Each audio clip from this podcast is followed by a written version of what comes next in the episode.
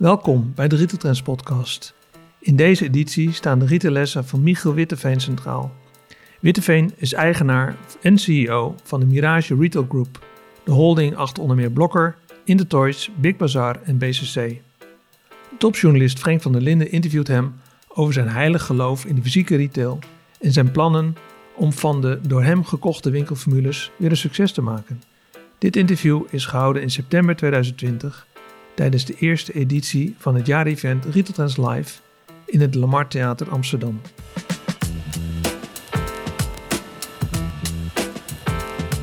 Goedemiddag.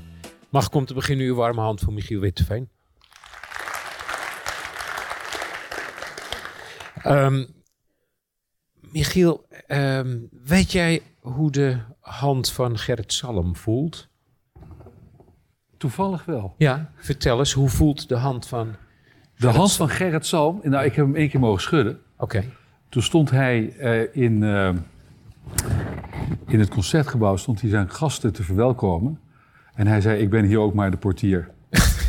dat uh, was wel vrij bijzonder. Dus toch ja. was een kleine man. Ja. Maar dat, waarom vraag je dat? Nou, uh, hij was op zeker moment minister van Financiën, zoals wij allemaal weten. En gold toen als misschien wel de beste en machtigste minister van Financiën sinds Wereldoorlog 2. In ieder geval hoorde hij dat zelf graag. Uh, en ik herinner me aan het begin van het interview, uh, wij handen schudden. En dat ik dacht, wat is die hand vochtig? Herinner jij dat ook? Nee. nee. Sorry. Ja, dat, ja, dat kan me niet meer herinneren. Ja, dus ik, ik, ik, ik vroeg aan hem halverwege dat interview waarom dat nou uh, was. En uh, toen moest hij even slikken en toen zei hij, ja, uh, ik heb een heel groot minderwaardigheidscomplex. dat werd ook de kop van het interview. Aanstekens, ik heb een heel groot minderwaardigheidscomplex. Ik vroeg, hoe zit dat dan? Nou, zei hij, ja, ik had een oudere broer... Die is nu marktkoopman. Die staat met gymschoenen op uh, de markt in Alkmaar elke zaterdag en zo. En die lulde mij er altijd onder. Uh, en uh, ja, ik, ik, nam mezelf voor, daar ga ik op een dag overheen. Ik, ik word het slimste jongetje van de klas. Nou, is het wel gelukt hoor. Ja, en, en dat is me ook gelukt. In de Trefferzaal ben ik nu vrijdagsmiddags het slimste jongetje van de klas. En ik mag tegen de ene minister zeggen, jij krijgt 250 miljoen. En tegen de andere minister, jij krijgt niks. Maar ten diepste, zei hij, ben ik nog steeds die onzekere jongen met dat minderwaardigheidscomplex. En nou is mijn openingsvraag aan jou. Nee, dat vraag ik me ook af, ja. dat wordt toch spannend. Ja. Waar denk jij aan terug als het gaat om um, de persoon die jij nu bent geworden en die hier nu zit en in die branche een, een belangrijke rol speelt. Welk, welke ervaringen heb jij uh, meegemaakt die mede hebben bepaald dat jij hier nu zo staat als deze persoon?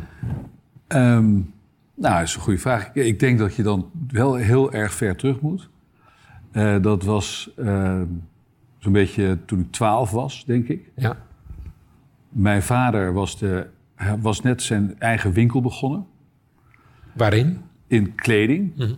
uh, mijn oudste zusje heet Claudia en hij, had een, hij kwam uit een Witteveen-familie en er was eigenlijk een beetje ruzie gekregen met zijn vader. Dus hij dacht van nou, ik kan het zelf ook. En toen is hij een winkeltje begonnen op de Utrechtse, nee, in Utrecht op de Oude Gracht. Ja. En dat noemde hij Claudia-mode. En ik moest dan, uh, en de spullen kwamen binnen bij ons thuis in de garage. Mm. En ik moest al die kaartjes eraan knippen. Echt van ongelooflijk. Waardeloos. Sorry, ik wil ja. wat zeggen. Maar, maar, maar blijf tussen nee, ons, was, Ja, het blijft tussen ons. Ja. Maar dat vond ik dus niet zo leuk. En um, ik moest heel veel achter de kassa staan als het wat druk was. Jij was eigenlijk de man van Claudia Mode. Dat straalde je uit. Je Claudia was... Mode. En ja. uh, toen, het, het, ging hem best wel goed. En toen heeft hij uiteindelijk, toen ging Streeter failliet. En toen werd het Claudia Streeter. Ja. Dus ik ben al van vrij jongst af aan. Um, ben ik daarin opgegroeid. 1 en 1 is 3 eigenlijk. Ja, nou ja, toen, toen, toen, ik, toen ik jaar 16, 17 was geloof ik, toen vroeg hij mij, wil jij niet in de zaak komen? Mm -hmm. Dan zei ik, nee natuurlijk niet, want ik ga dus niet voor jou werken. Ik ga, als ik iets ga doen, dan ga ik het wel zelf doen. Oké. Okay. En dat, toen, toen zei hij, nou, dat begrijp ik. En toen is hij in zijn auto gestapt en heeft zijn bedrijf verkocht. Dus het uh, was wel een, een, een doer. Zoek het, zoek het maar uit, zei nou, hij. nee, toen dacht hij van, nou, weet je, ik hoef het voor mijn kinderen niet te doen. Nee. Want mijn broer en mijn twee zusjes die hadden er sowieso niet zoveel zin in. En, uh, dus toen heeft hij het toen en de, aan meneer Dreesman verkocht. Ja. Zo, zo stapelt zo zich dat, dat mooi, mooi op.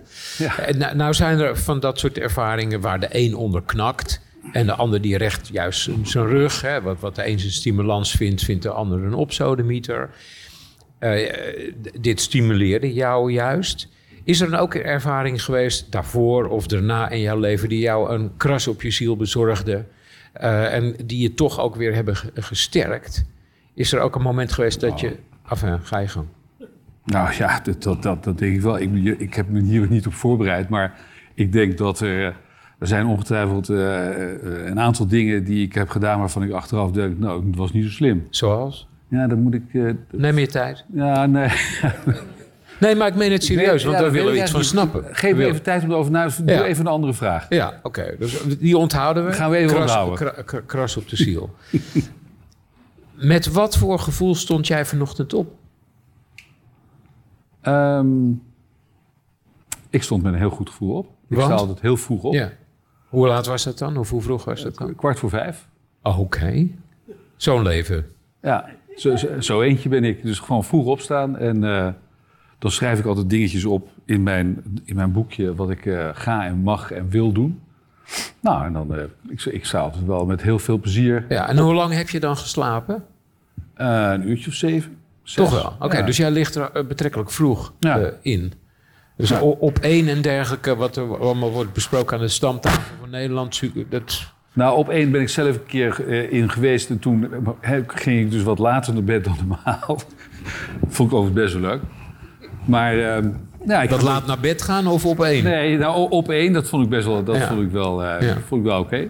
Ja. Ja. Maar dat was een uitzondering, begrijp ik. Maar gaan we het daarover hebben? Of, eh? Nou, ik, ik, ik, wil, ik wil iets van je begrijpen voordat we over de business gaan praten. Ja. Want ik denk dat je, dat je pas goed kan snappen wat iemand in zijn vak doet. als je ook een beetje begrijpt eh, wat de wortels daarvan zijn. Ja. Dus ik mag gra- graag informeren naar, de- naar de kruispunten die iemand eh, over is gegaan. Ehm, wat denk jij dat, dat eh, nou jou eh, misschien wel in een essentiële fase van jouw leven heeft gevormd? Waar ben je dan? Wat doe je dan? Wat gebeurt jou dan? Waarvan je weet, behalve dat moment met die vader bijvoorbeeld, heeft mij dat een be- bestemming gegeven. Nou, ik denk dat, eh, waar mijn, mijn vader was, ik, ik hield heel erg veel van de man, maar ik moet natuurlijk niet met hem samenwerken. Is uiteindelijk wel gebeurd, want ik was al op redelijk jonge leeftijd, eh, eh, moest ik gaan werken, omdat mijn vader, die vond eh, mensen die studeren, dat vond, hij echt helemaal niks, want daar heb je niks aan. Dus ik moest in de avonduren gaan studeren. Dat heeft mij ook wel redelijk gevormd. Wat studeerde je? Ik studeerde bedrijfseconomie aan de Universiteit in Amsterdam. Ja, oké. Ik heb het nog afgemaakt ook. Ja. Dat zeg je zo van, nou, dat verwachten Nou, jullie niet van mij. Nee, Dat is zo'n- zo'n, die Nee, je- die, hè, dat een zoveel studie heeft. eh, hè? maar dat was meer gedaan vanuit het feit dat van, ik, ik, wil het, eh, ik wil het ook wel afmaken, ook, want als Ja. ik ermee begonnen ben. Maar volgens En- mij heb jij, eh, so- sorry dat ik je interrupeer, maar ook een zekere lol in doen alsof jij alleen maar gewoon die boerenkinkel bent. Die, terwijl jij ondertussen heel goed weet hoe de pionnen op het schaakbord worden gezet. Nou, dankjewel. Ik, Ik zie dat maar klopt het dat jij daar een zeker plezier aan ontleent? Nou, ik denk dat... eh, ik vind het he- heel... Ik, ik hoef niet zo in de, in de, in de, op de voorpagina te staan, zeg maar. Dat, dat is niet mijn ambitie. Nee. Weet jij wat het Chinese woord voor eh, eh, crisis als tweede betekenis heeft? Nee? Groei. Plezier. Of? Groei. Groei. Ja. Dat als je een, een opsodemieter krijgt, eh, dat je daar eigenlijk alleen maar beter van kan worden. Nou, dat eh, klinkt mij als muziek in de oren, moet ik zeggen. Wat, wat gebeurt er nu bijvoorbeeld met jou en, en de bedrijven eh, die je bestiert in deze crisis?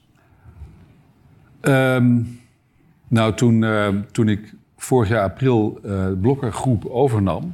toen was het eigenlijk al heel erg crisis bij, bij die groep. Eén seconde ertussendoor. Wanneer was je voor het laatst in een blokkerwinkel geweest? En toen of nu? Toen? Nou, waarschijnlijk drie dagen ervoor of zo. Toch wel. Ja. Je was echt even gaan kijken. Natuurlijk. Waar was het? In Amsterdam op de Bilderdijkstraat. Wat dacht je? Wat voelde je? En toen dacht ik van, nou, ik denk dat hier nog wel wat, eh, wat beter kan. Want wat zag je dan? Wat ervoer je? Nou ja, weet je, dat is, gaat heel ver om daar nu op in te gaan. Maar ik denk Nee, dat... nee, nee, gewoon even Nee, maar dat- ik weet je, Blokker was voor mij... eh, want ik heb daar ook gewerkt toen ik 28 was of zo. Ja, En het was voor mij een, ehm, een, een bedrijf die ehm, leuke leuke spullen voor de man in de straat bracht. Hè, tegen betaalbare prijzen. En eh, dat miste ik heel erg bij de, in de Bilderdijkstraat toen ik daar kwam. Want wat zag daar, beetje, daar dan staan? Beetje door, het was gewoon niet, het was niet meer de rommelige, leuke winkel waar je nieuwe dingen kon vinden. En ik denk dat we daarin uh, in geslaagd zijn om dat wel weer terug te brengen in de korte dus, tijd. Dus alleen al aan die ervaring ontleende je het idee... dat moet terug naar wat het ooit nou, lekker was. In december 2017 had uh, Els Blokker mij gevraagd om commissaris te worden. Dus ik had natuurlijk al een beetje in de, in de keuken kunnen kijken van wat er allemaal gebeurde.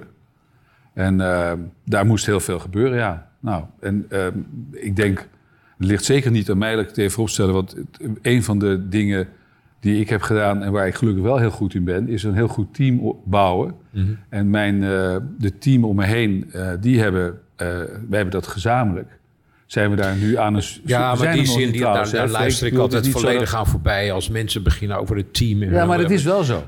Ja, maar dat is niet interessant. Nou ja, voor jou nee, niet. nee, voor mij wat is in, ik, Alleen doe je het niet, ja, hoor. Nee, dat snap ik heel goed. Maar ik ben natuurlijk, en dat geldt ook voor de mensen hier... ontzettend gefascineerd door hè, waar jouw hand zit. Een team zal best, hè, Gerrit Salm had ook een team... maar het was toch wel Gerrit Salm die, die het aan het doen was. En ik wil jou snappen. We willen jou snappen. Dus ik ga nog even terug naar die dingen waarvan je zei... er moesten grote zaken gebeuren. Niet alleen terug naar die gezellige rommeligheid... die effectieve rommeligheid van Blokker voorheen... maar je sprak in meervoud.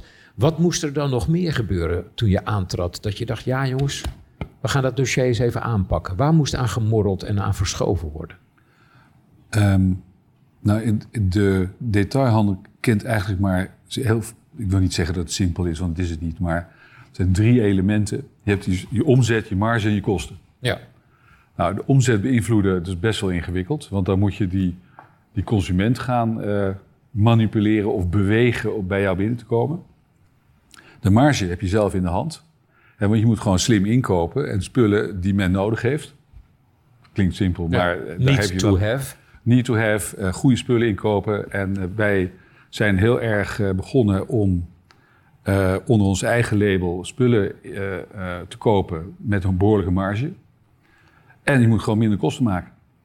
Nou, dat zeg ik gewoon, maar dat is best wel ja. een, een, dingetje. Laten we ze eens aflopen.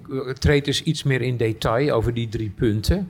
Wat heb je daar dan gedaan, verhapstukt, opdat het totaalplaatje er uh, beter uit zou gaan zien? Nou, als we nu kijken naar, ik neem even, kijk, bestaat, de groep bestaat natuurlijk uit drie elementen. Je hebt Blokker, Big Bazaar en Intertoys.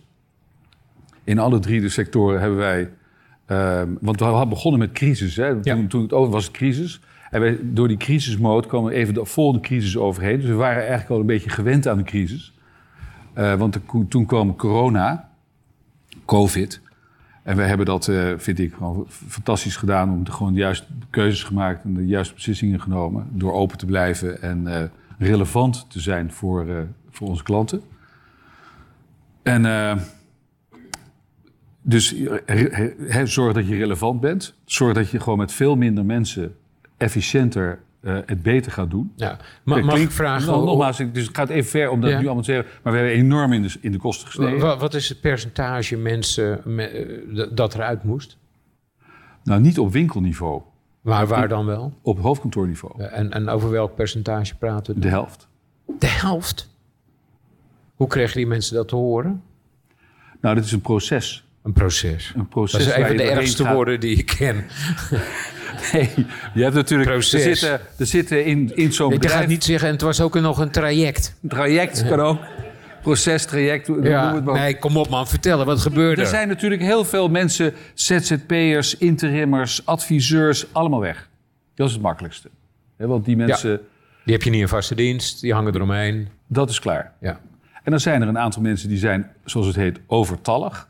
Mm -hmm. En dat viel best wel, uh, bij Blokker viel dat best wel mee. En daar moet je afscheid van nemen. En dat moet je doen op een, uh, op een uh, sociaal goede manier. En dat mm. hebben we gedaan. Mm. Waren de bonden het daarmee eens? Vonden jullie ook dat het op een goede manier gebeurde? Ja. En de ondernemersraad ook, trouwens. Right. Je, je zei, er zijn meerdere dingen. Welke andere dingen bijvoorbeeld? Nou, meerdere dingen. Kijk, in zo'n bedrijf waar totaal 8000 man werken... Zijn, maak je best wel wat kosten.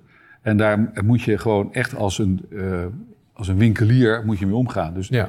elk, Eh, neem neem ons eens even mee de, de, de haarvaten in van zo'n organisatie. Waar snijd je dan bijvoorbeeld... eh, eh, dat je tegen ons kan zeggen... ja, dat, dat zie je misschien niet zo 1, 2, 3... maar als je dat gezellig optelt... komt een leuk cijfer onder de streep te staan... waardoor je bezuinigt. Nou, neem, nou, neem nou bijvoorbeeld eh, openingstijden. Als je soms om 9 uur open, sta, open gaat en er is geen klant binnen, want dan weet je, hè, want die klanten die komen pas om 10 uur. Ja. Ben je ook een half uur later open gaan. Dat ene uurtje, of een half uurtje, dat, eh, dat scheelt heel, heel erg veel geld. ja, dat snap ik. Ja. En dan ben je dus helemaal in detail bezig. Maar dan ben je dus wel met die kleine halve uurtjes bij elkaar. Dat scheelt. Mhm. En als je dat op alle niveaus doet, Ja. dan gaan die kosten met miljoenen naar beneden. Ja. Denk je dan ook niet soms in alle eerlijkheid, vak, dat hadden we natuurlijk allemaal al veel eerder moeten doen. Dat we die klote crisis nodig hebben om zoveel geld binnen te halen. Nee, maar die crisis, dat heb ik al eerder gezegd. Kijk, die, die crisis die heeft ons een beetje geholpen. De coronacrisis neem ik aan die je Ja, bedoelt. ja. Die heeft ons alleen maar een beetje een duwtje in de rug gegeven. Maar ik denk dat wij zonder die corona eh, het ook heel goed hadden gedaan. Want die kostensanering, die hadden we al lang in gang gezet. En daar zijn we gewoon mee verder gegaan. Het verbeteren van die marge, dat is natuurlijk al een jaar bezig. Ja. En dat is, dat is gewoon doorgegaan. Oké, daar maak je een En, stap en, in. en weet je wat ook heel belangrijk is? Ja. Dat je bepaalde dingen niet doet. We hebben gewoon heel veel dingen niet gedaan. Ja, daar ben ik erg voor. Maar Ja. wat deden jullie dan niet? Nou, wij bijvoorbeeld een jaar daarvoor, als je dat dan vergelijkt, hadden we elke week een folder. Niet meer gedaan. We hadden heel veel aanbiedingen. Ook niet meer gedaan. Nee. Nou, doen we nu nog wel af en toe. Is wel nodig om weer. Hè, mensen, we hebben tussen de 200 en 300.000 bezoekers per dag. En er zijn ook mensen tussen die zoeken gewoon een goede deal. Dus die moet je wel hebben. Maar je kan ook eh, overdrijven. Ik denk dat in het verleden te veel eh, is eh, zeg maar aangeboden voor te weinig. Ja. Ja, en dan, als je, dan, ja, dan verdien je niks. En, en wat is nou worstelen? Kijk, dit klinkt allemaal hè. Lukt, gaat goed, slim bedacht, uitgevoerd. maar wat blijkt in de praktijk nou eigenlijk verdomd ingewikkeld? Nou, het is allemaal ingewikkeld. De hele Nee, ja, Frank, ik bedoel, het is, het is het, je er staat er een heel groot bord met allemaal knoppen.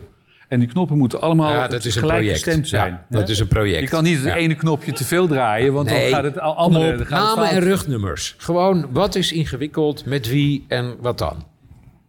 Eh, ten eerste zijn eh, mensen ingewikkeld. En je moet iedereen eh, alle neuzen in één richting krijgen. En dat is gebleken het afgelopen jaar hebben we er toch een aantal, ook met name op eh, het hogere niveau in de onderneming, hebben we afscheid van moeten nemen. Want waar ging dan die discussie over? Hè? Dat niet al die neuzen... Wat, wat was dan het onderwerp waarover werd gestoeid? Nou, onder andere, het ging mij eh, in sommige gevallen gewoon niet hard genoeg. Het ging niet snel genoeg. Met die veranderingen die je net schetste. Ja. Ja. Gas erop. ja. En als, dat er niet, als mensen dan dat eh, niet, zeg maar, dat gas erop doen... en die, zi- die zitten in een auto die te langzaam rijdt... daar ga ik niet op wachten. Nee. Dus dan, dan, gaat, dan gaat het En, en eh, over wat voor soort van kwantiteit praten we dan? Dat op dat sub-top level eruit moest? Praten we over drie mensen of over Nee, dan drie procent? over een mannetje of twintig. Oké. Dat is nooit het leuke type mededeling om te moeten doen natuurlijk. Hoe verloopt dat? Waarom lach je nou? Nou ja, dat is wel een beetje een vreemde vraag eigenlijk. Ja. Eh, nee, maar voor een dat? journalist Eh, heel gewoon. Je wil afscheid- erbij ja, maar- zijn. Ja, oké, maar het afscheid nemen van mensen die dus enorm hun best doen... om in een bedrijf het goed te doen... is altijd een moeilijk gesprek. Dat, dat, dat gaat. Doe je het zelf? Ik doe dat zelf, ja. En, eh, ik ben zo iemand. Ik kom binnen. Nou, maar jij, jij haalt... nou, Nee, natuurlijk, mij gooien ze er nooit uit. Alhoewel er thuis genuanceerder over wordt gedacht. ja, oké. eh, ik kom bij jou binnen, eh, koffie niet, eh, koffie. En dan, Hoe doe, wat zeg je dan? Nou, daar zou ik eens even over moeten nadenken. Nee, je hebt het een aantal wat- keren gedaan. Ik wat moet was er jouw functie dan? Ja, ik zit in, ergens in die subtop en jij gaat mij, gaat mij vertellen... jammer, maar je moet verderop. Hoe, hoe zeg je dat? In de Ja, dan zeg je dat- Frank, ik denk dat jij heel veel talent hebt. Oké, dan weet ik het al, hè? Dan weet, Dan je weet het ik het al. Ik denk dat jij heel veel talenten hebt, alleen dat, eh, dat wij die... eh, Nee. dat- dat- niet bij ons. Ja. En, eh, En dan zegt er iemand, ja, ik snap dat jullie dat niet ten volle benutten... want de organisatie is hier gewoon ook echt heel slecht. ja, natuurlijk krijg je ook, dat krijg je ook En zo verspillen jullie al dat talent. Hoe gaan we dat anders aanpakken, zeg ik dan? Nou, dat is, eh, Hoe gaan jullie je leven beteren, Michiel? Wij gaan het proberen Want zonder jullie jou, hebben best talent, maar... Nee, we gaan het proberen zonder jou. Ah ja, oké. En eh, dat is, heel, dat is heel, heel, heel spijtig voor jou. Ja. Misschien voor ons ook wel. Maar we gaan het toch proberen. Oké. Je zit natuurlijk een beetje te, te pesten. Dat, dat moet je maar vergeten. Dat is hu- tegen. Huisspecialiteit. Eh, en waar liggen nou kansen? We hebben het over worstelingen. Maar we hebben het ook over waar je potentie ziet. Juist in een fase als deze, als er veel tegenwind is... moet je zien waar die groeikansen liggen. Waar ontwaar jij die? Behalve in China, waar we het zo nog over gaan hebben. Ik denk dat, ehm, kijk, dat de, de hele online eh, wereld is natuurlijk heel, heel belangrijk. Die is ook niet meer weg te denken. Die gaat ook niet, niet, niet meer weg. Maar die kan je ook in, jouw in je voordeel kan je die gebruiken. Online eh, zaken doen. eh, Daniel Ropers, die zit hier in de zaal, die, die zal het weten. Is heel, het is heel moeilijk. Het is heel moeilijk om daar geld te verdienen. En wij zitten natuurlijk in de, in de business voor de lange termijn om gewoon poen te verdienen. Wij hebben in Nederland een enorme eh, footprint. We zitten overal. En ik denk dat wij heel erg zwaar gaan inzetten. Dat hebben we al gedaan in, zoals met allemaal dure Engelse woorden, pick in store. Mensen kunnen op het internet dingen bestellen, maar het moet wel even ophalen in de winkel. Want die laatste fulfillment, allemaal Engelse woorden, fulfillmentkosten, die zijn zo hoog dat, eh, dat ja, eh, ik, ik zie niet in dat, dat online bedrijven die met een, met, een, eh, met een ticket size van 20 euro, dat die daar überhaupt ooit geld gaan verdienen. Ja. Dat kan dus bij ons dus wel. Wij moeten ons gebruik maken daarvan. We moeten dit niet zien als een vijand, maar we moeten het zien als een mogelijkheid om eh, onze omzet te vergroten en die mensen meer in onze winkel te krijgen. Je zegt de business is in essentie poen verdienen. Dat, dat spreekt voor zichzelf. Waarom had je dan eh, toch ambities om ook in de HEMA, met de HEMA iets te gaan doen? Want da- daar lijkt poen verdienen niet eh, met hoofdletters te worden geschreven. Nou, ik vind ehm, de HEMA-discussie, die, die, die wil ik afsluiten. Kijk, Nee, zijn- we beginnen net. nee, ja, je begint er net ook. Kom op, man. Nee, maar we gaan het het, is best een project geweest, dat snap Het ik. is een hartstikke mooi. Het is een project geweest waar wij heel veel eh, eh, tijd in hebben gestopt. En wij, bedoel ik mijn hele team, hebben er goed over nagedacht. En er zijn allemaal redenen eh, die ik hier niet ga vertellen. Wat was de kern? Waarom we het niet doen. Wat was de kern? Eh, de kern is, ja, je moet eerst altijd teruggaan naar jezelf. Hè. De kern is dat wij hebben nu een fantastisch bedrijf. We doen het heel erg goed. We zijn er nog niet, maar we zijn wel heel dicht in de buurt van eh, zeg maar langdurige groei en langdurige winstgevendheid. Dat moeten we koesteren. Daar moeten we heel blij mee zijn. Je zegt eigenlijk met zoveel woorden, we waren er zelf nog niet aan toe. Nou, Dat is in de journalistiek, is dat ja, hè? ja. Nou ja, we, waren er wel, we, we hadden het wel gekund, laat ik het zo zeggen. Ik, wij, we hadden dus wel op, op ons, op, op, eh, op de managerial niveau Ja. wat, eh, wat, eh, wat moeten schuiven en stappen zetten. Maar ik denk dat dat nog wel gekund had. wat Maar het is, er- de wat- HEMA is een echt een... Dat is, er moet, vind ik, daar moest dusdanig veel gebeuren. Dat is echt een serieuze klus. ja. En hoe dat daar nu gaat, hoe kijk je daar nu naar? Ik zie het HEMA nog steeds als een fantastische onderneming. Eh, fantastisch bedrijf. Eh, ik wens iedereen daar heel veel eh, su- succes ik, mee. Ik hoor de ironie, Michiel. Ja. Nee, nee, nee, dat is niet ironisch bedoeld hoor. Want ik vind echt, ik gun, ah, die, ze werken 19.000 man bij de HEMA. Ik gun die mensen allemaal een goede huisvader Ja. en een goede aandeelhouder. Ja. Eh, Ja, je, je zei hè, heel recht toe recht aan, dat zegt lang niet eh, el- elke ondernemer gewoon eerlijk. In essentie is het gewoon eh, poen verdienen. Komt er ook nog iets bij? Is er ook nog een Michiel die ooit een jongen van 15 of 17 was en die vond, net als iedere jongen van 15 of 17, dat de wereld beter moest worden ingericht en dat dat zus moest en zo moest. Is daar nog iets van over, van die Michiel? Die, Ja, die- en, en, en, wat- en wat is dat dan? Kijk, je moet wel. Kijk, poen verdienen is leuk, hè, maar het moet ook gebe- gebeuren op een hele, eh, op een leuke manier, op een, op een prettige manier, leuk met elkaar omgaan, Eh, in een enorme teamspirit. Ik ben een enorme teamplayer. Ik vind het leuk om met mensen samen iets op te bouwen, en eh, dat geeft me enorm veel kracht, plezier, uitdaging, trots. Ik ga elke dag met ongelooflijk veel eh, plezier naar mijn werk. Om kwart voor vijf.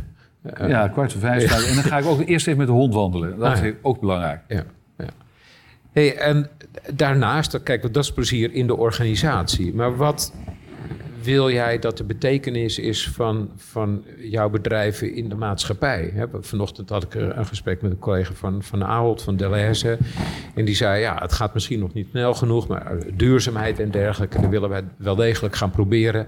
meer verschil te maken dan we nu doen in de toekomst. Ja. Waar, waar, waar, daar hoor ik nog niet zoveel over uit jouw mond. Waar, waar zit dat type idealisme in Nou, Blokker wij- enzovoort? Ik denk dat het hele concern staat daar, en of ons bedrijf staat daar echt nog een beetje in de kinderschoenen. En eh, wij zijn daar, we hebben daar veel gesprekken over gehad. Duurzaamheid staat bij ons echt heel erg in, bovenaan op, eh, in de to-do-list. Maar om dan te zeggen van hoe ga je dat dan ook daadwerkelijk Dat ben invullen? je nog niet eigenlijk. Nou, daar, daar, daar praten we wel over, maar het ook in de praktijk brengen, dat is wel een ander verhaal. Want je moet ook veel meer circulair gaan denken. Hè. Waarom moeten wij al die nieuwe spullen aan de mensen verkopen en halen we die, die oude spullen terug? Dat kan je helemaal makkelijk zeggen, Mhm. maar dan moet het ook nog eens een keer weer opnieuw gerecycled worden. Ja. Je kan wel het in de vuilnisbak gooien, maar dat is niet circu- circulair Nee. denken. Nou weten we allemaal dat hè, als je dat soort idealen hebt... ehm, en je, gaat dan samenwerken met eh, mensen uit de Volksrepubliek... waar eh, dat eh, ongeveer op plaats 137 staat in het laatste lijstje idealen... Hè, dat dat niet die duurzaamheidsidealen enorm stimuleert. Eh, als je zo duurzaam wil denken en wil gaan handelen... Liggen, ligt het toch niet vreselijk voor de hand om met vervuilende Chinezen in zee te gaan? Nou ja, vervuilende Chinezen, dat Ja, is wel een uitspraak zeg. Nee, maar dat is echt ongelooflijk als je de cijfers ziet Ja, van maar- hoe er in Chinese fabrieken wordt gewerkt, wat er in Chinese producten zit, enzovoort enzovoort. dat, weet heel- jij ook. Ja, maar goed, dat, dat kan je wel heel erg goed monitoren. Wij hebben een behoorlijk groot kantoor in het Verre Oosten. Waar zit dat? In Hongkong? In Hongkong en in Shanghai. Ja. En ehm, die mensen hebben wel een hele duidelijke opdracht gekregen om te zorgen dat, dat eh, wat jij nu allemaal lo- loopt te roepen, dat, eh, dat het niet belangrijk is. Dat is voor ons wel belangrijk. Kun jij met je hand op je hart zeggen, er werken geen me- meisjes van 15 jaar aan onze producten? Ja, Dat hebben jullie zo goed gemonitord dat je dat wij hebben dat verzekeren. helemaal goed onder controle. Ja. En ook als het gaat om de groene kant, de duurzame kant. Nou, dat vind ik dat wij daar nog veel in kunnen verbeteren. Aan de verpakkingenkant kunnen we echt, echt eh, nog behoorlijke stappen zetten. Met name. En ook eh, het, wat ik net zei, het, het circulair denken. Daar kunnen we ook nog heel veel stappen zetten. En wat wil je met die Chinese keten nu in Nederland? Miniso. Ja, wat wil je met Miniso gaan doen? Nou, wij, ik vind Miniso gewoon een hele leuke keten. Ik kwam toevallig, eh, Janine Hols zit hier in de zaal. We waren vorig jaar in Hongkong en we zagen dat Miniso. Dacht, nou, dat is, dat is best wel een leuke formule. Dat, Hoe zag het eruit? Nou, zo, nou, kijk naar in Eindhoven, zie je een winkel van ons, eh, Miniso. Zo ziet het eruit. Een soort van kopietje toch, van eh, wat je daar toen zag. Nou, niet een kopie, het is gewoon hetzelfde. Ja, oké. Ja, maar dat is dan heet een kopie hè, in Vandalen. ja, ja nee, maar wij, wij, Ja. wij eh, ja, Ja. wij- is gewoon hetzelfde. Het Miniso, een heel, heel succesvolle eh, retailer. Waar wij heel graag bij ons bij aansluiten. En niet helemaal in onze aard om zelf franchiser te zijn, maar hebben we toch gedaan. Ik heb er helemaal geen spijt van. En hoe wil je dat eh, laten uitgroeien? Nou, ik denk dat in Nederland is er nog ruimte voor een filiaaltje of 50. 50. Ja, we hebben nu twee, dus nog, nog 48 te gaan. Ja, ja, en op wat voor termijn hoop je dat te bewerkstelligen? Ik weet niet, misschien eh, vier, vier jaar of zo. Ja, dus dan zitten we op een ruime 10 eh, per jaar. En eh, hoe geldt dat voor de andere ketens, voor Blokker, et cetera? Nou, wat ik al eerder heb aangegeven in andere media, dat Blokker heeft nu 450 winkels. Daar kunnen er nog zeker 20 tot 50 bij. Want wij moeten inderdaad die footprint hebben om pick-in-store te kunnen doen. Ja. En eh, bij Intertoys hebben we 210 winkels. Daar kan ook nog wel wat bij hoor. En Michiel, heb je tot nu toe altijd alles 100% perfect gedaan? Nee, natuurlijk niet. Nee. Eh, dat doet alleen Gerrit Salm. Maar je moet, je, wat je, kijk, het enige wat ik doe, ik heb dat stokje gekregen van de familie. ja. En dat moet je straks weer doorgeven. Ja. Hè? Want dat, dus het gaat niet zozeer om dat ik gewoon probeer enorm veel geld te verdienen. Het gaat erom dat je een bepaalde verantwoordelijkheid hebt voor die 8000 man. Die straks ook weer een andere huisvader hebben. Die, Hou het heel en doe er iets goeds mee. Snap ik. Wat is nou een moment geweest dat je dacht... oké, niet 100% perfect. Bijvoorbeeld toen. Wanneer was wat jij deed als Michiel Witteveen... die die hele handel leidt, een minder goed moment? Denk daar even rustig over na. Nou ja, weet je, ik zou het niet weten. Je voelt toch altijd wel waar het littekentje zit. Nee, maar dat, daar, ben je niet heel, daar blijf je niet lang bij stilstaan. eh. Maar anderen wel. Jij, jij misschien, ik niet. En, nee, maar ik bedoel, dat zijn kansen omdat je daar een les uit kan trekken.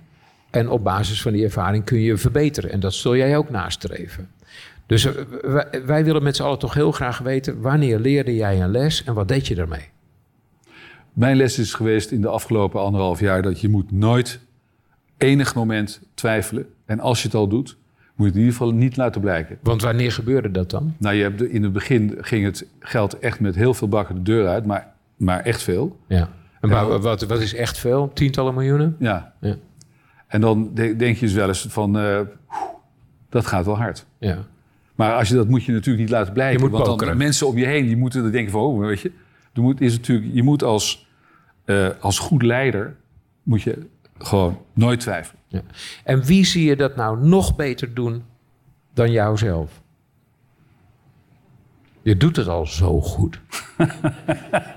Wat in de riet, hè? Nee, maar in ernst, ja. Wie zie je nou eh, eh, dingen doen waarvan je denkt... ja, dat, dat kan ik ook. Hè, ondanks al mijn inzet, mijn talent enzovoort... ook toch echt een voorbeeld aan nemen. Ik vind eh, eh, de familie van Eert, die Jumbo leiden, vind ik echt heel erg knap. Ja. Vind ik echt chapeau hoe die dat doen. Wat, wat En, dat, is... en, in het kielzog daarvan overigens de eigenaar van Rituals.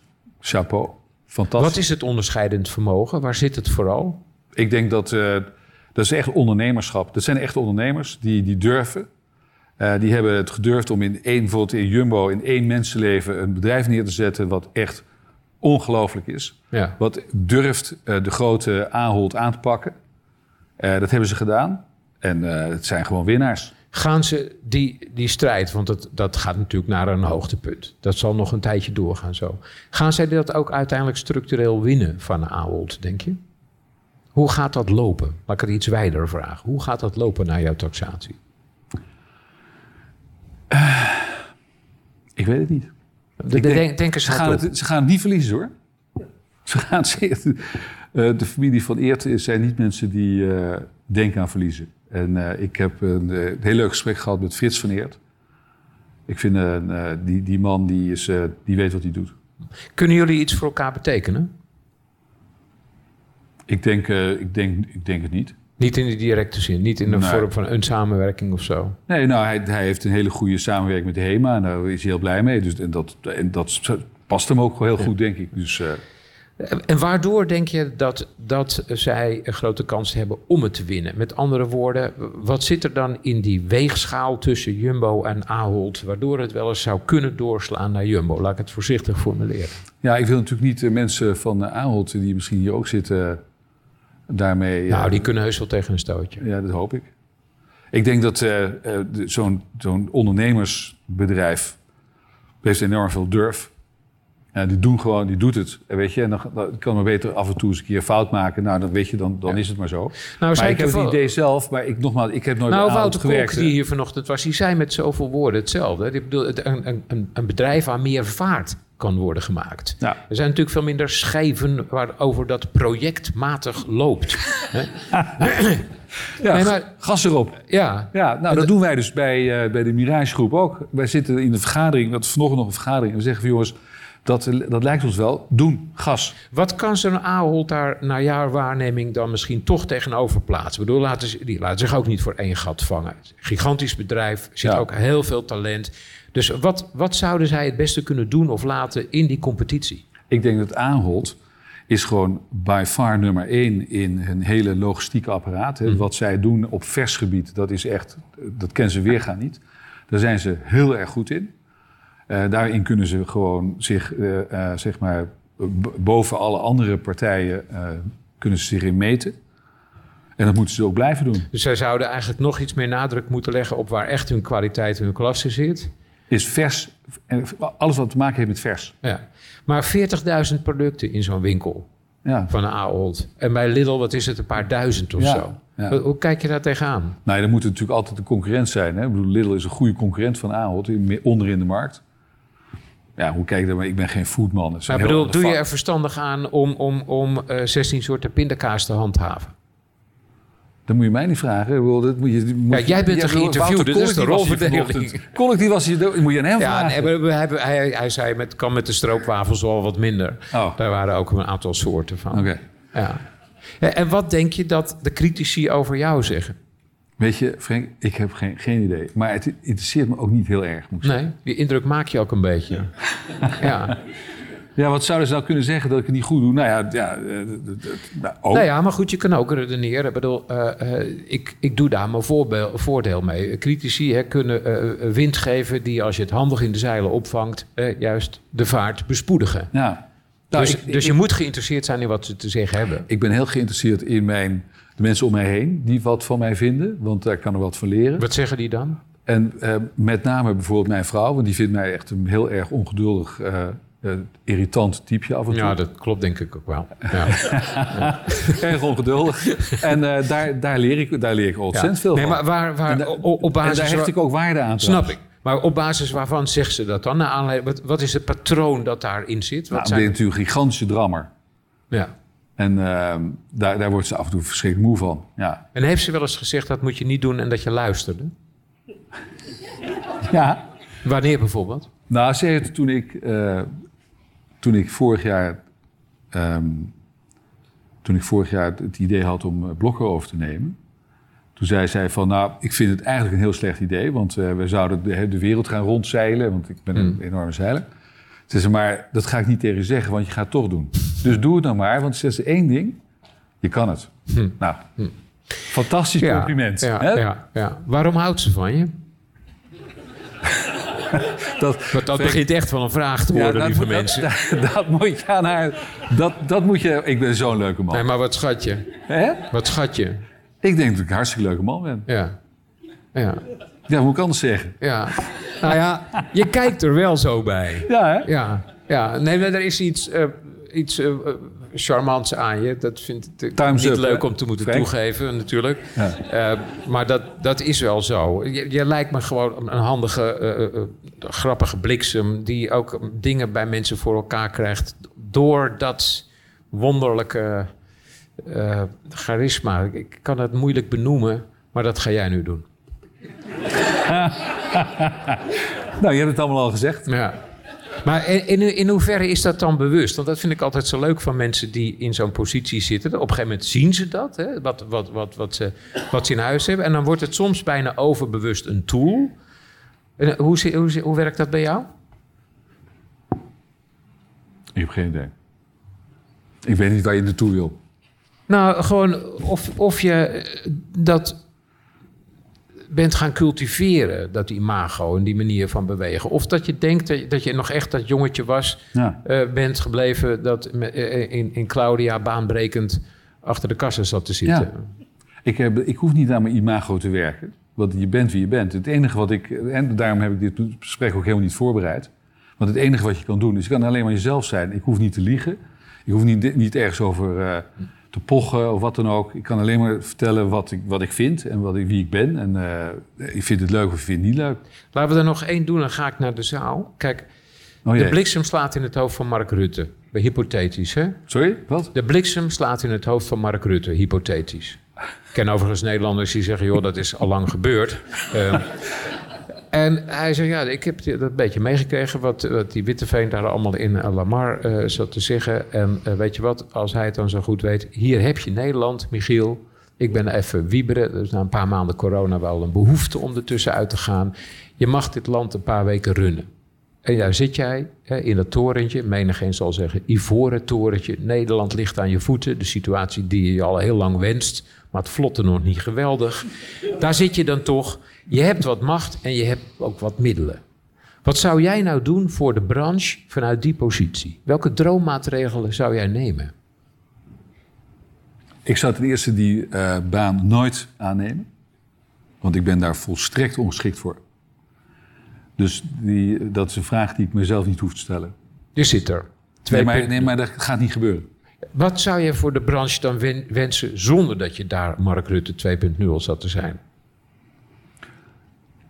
Ik denk dat eh, het, de, de, de, ik ben helemaal niet van de politiek, maar ik vind dat het kabinet wat er, wat er zit, de allerjuiste maatregelen neemt die men moet nemen.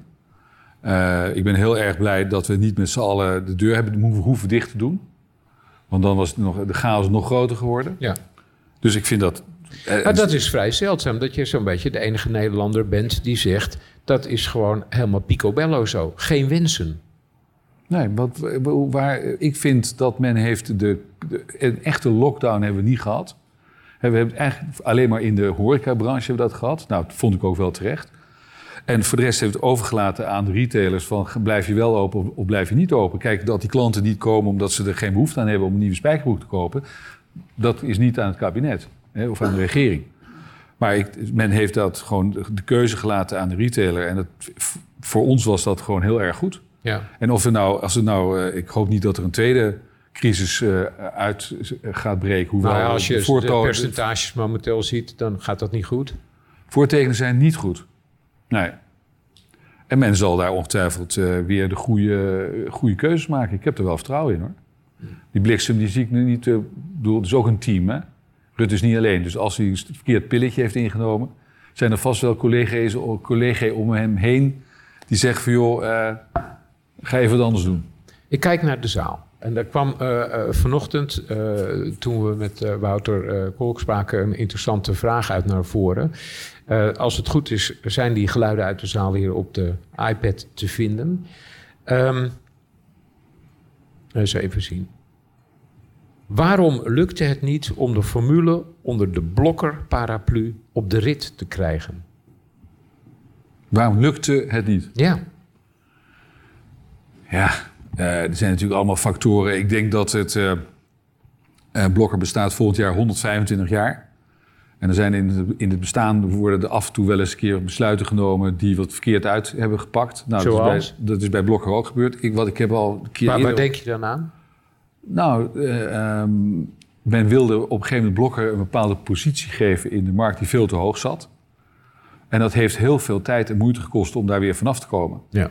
Dat was even een, dat was een, een, niet een zijweggetje, maar dat was echt gewoon een T-splitsing in de, op de, op de hoofdweg en de verkeerde richting gekozen. En dat, dat, dat, dat heeft wel behoorlijk pijn gedaan. Ja. Dat heeft daaraan bijgedragen. Een eh, andere vraag, ik hip-hop er even doorheen. Eh, die HEMA-kwestie, stel je dat je eh, de eh, keten wel zou hebben gekocht. Wat zou je ermee hebben gedaan, hebben gewild? Nou, dat vind ik een goede vraag, maar die ga ik niet met iedereen delen. Nee, maar Want wij hadden daar hier. natuurlijk wel eh, duidelijk een plan. Eh, Nou, even wij- een tipje van de sluier. Ik zou eh, teruggaan naar de core van de HEMA. En de core van de HEMA is eh, hele eigen merk designproducten voor een betaalbare prijs voor iedereen eh, in het schap leggen en beginnen in Nederland. Mhm. En ik, heb, ik zie niet in dat iemand in Mexico City daar behoefte aan heeft. Ja. Om maar even een idee te geven. Ik bedoel, Be- België, Duitsland gaat nog, maar de span moet niet eh, Nou. te groot. Het is al heel erg ingewikkeld om zo'n bedrijf, eh, want ze hebben daar zeg maar 25.000 verschillende producten in de winkel liggen. Eh, dat, dat is al een, een klus op zich. Ja. Probeer dat eerst even goed te doen. Ja, maar. Ehm, ik zie hier er niet veel bij zitten waarvan ik zeg, nou, dat is net zo'n vuistslag als aan het eind van de ochtendsessie vanochtend. maar misschien hebt u die nog. Wie wil nog bij het sluiten van de markt? Zonder Q. Een vraag stellen. John, heb jij niet een goede vraag?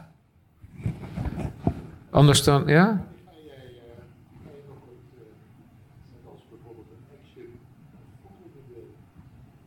Voedsel verkopen. Herhaal even de vraag als je wil. Ja, waarom John, John van der End zit daar in het midden van de zaal, is de eh, CEO van Spar. Ze is ook heel belangrijk geworden bij Spar International, heb ik net van hem begrepen. Eh, bekende, heeft, heeft eh, zo sporen verdiend in de retail. Zit zelf dus bij Spar in de food. En hij vraagt zich af wanneer ik een beetje ga concurreren met hem. Ja. Nou, binnenkort, John. Oh. Binnenkort. Ja, Nou, wij, wij bij Big Bazaar verkopen we is 25% van onze omzet is al food. En wij gaan daar eh, dat zeker uitbreiden. waarmee? Met andere foodproducten. Ja, ga weg. Daar sta ik echt van te kijken, Michiel. Ja. Ja, nee, Jij wij, denkt echt wij, dat je met iemand van de Lunderse Courier te maken hebt, hè? wij, wij, verkopen, wij verkopen bij Big Bazaar verkopen wij eh 6 miljoen blikjes eh, Red Bull per jaar. Ja. Dat zou je niet zeggen. Maar het is wel zo. ja. Wat komt erbij? Dat was de vraag. Nou, dan ga ik jullie eh, de Kom op, keer even één, Ga ik, één dingetje. ik ga John niet slimmer maken dan dat hij al is. Nee, maar denken we dan echt aan versproducten of gewoon allemaal in tin Wij gaan nooit in de versproducten. Want daar zijn andere partijen, wat ik net al zei, veel beter in dan wij. En dat, daar gaan we onze vingers niet aan branden. Nee. In vers. Dat wordt weer Chinese ananas. Ja. ik dank je hartelijk, Michiel Witteveen. Dankjewel.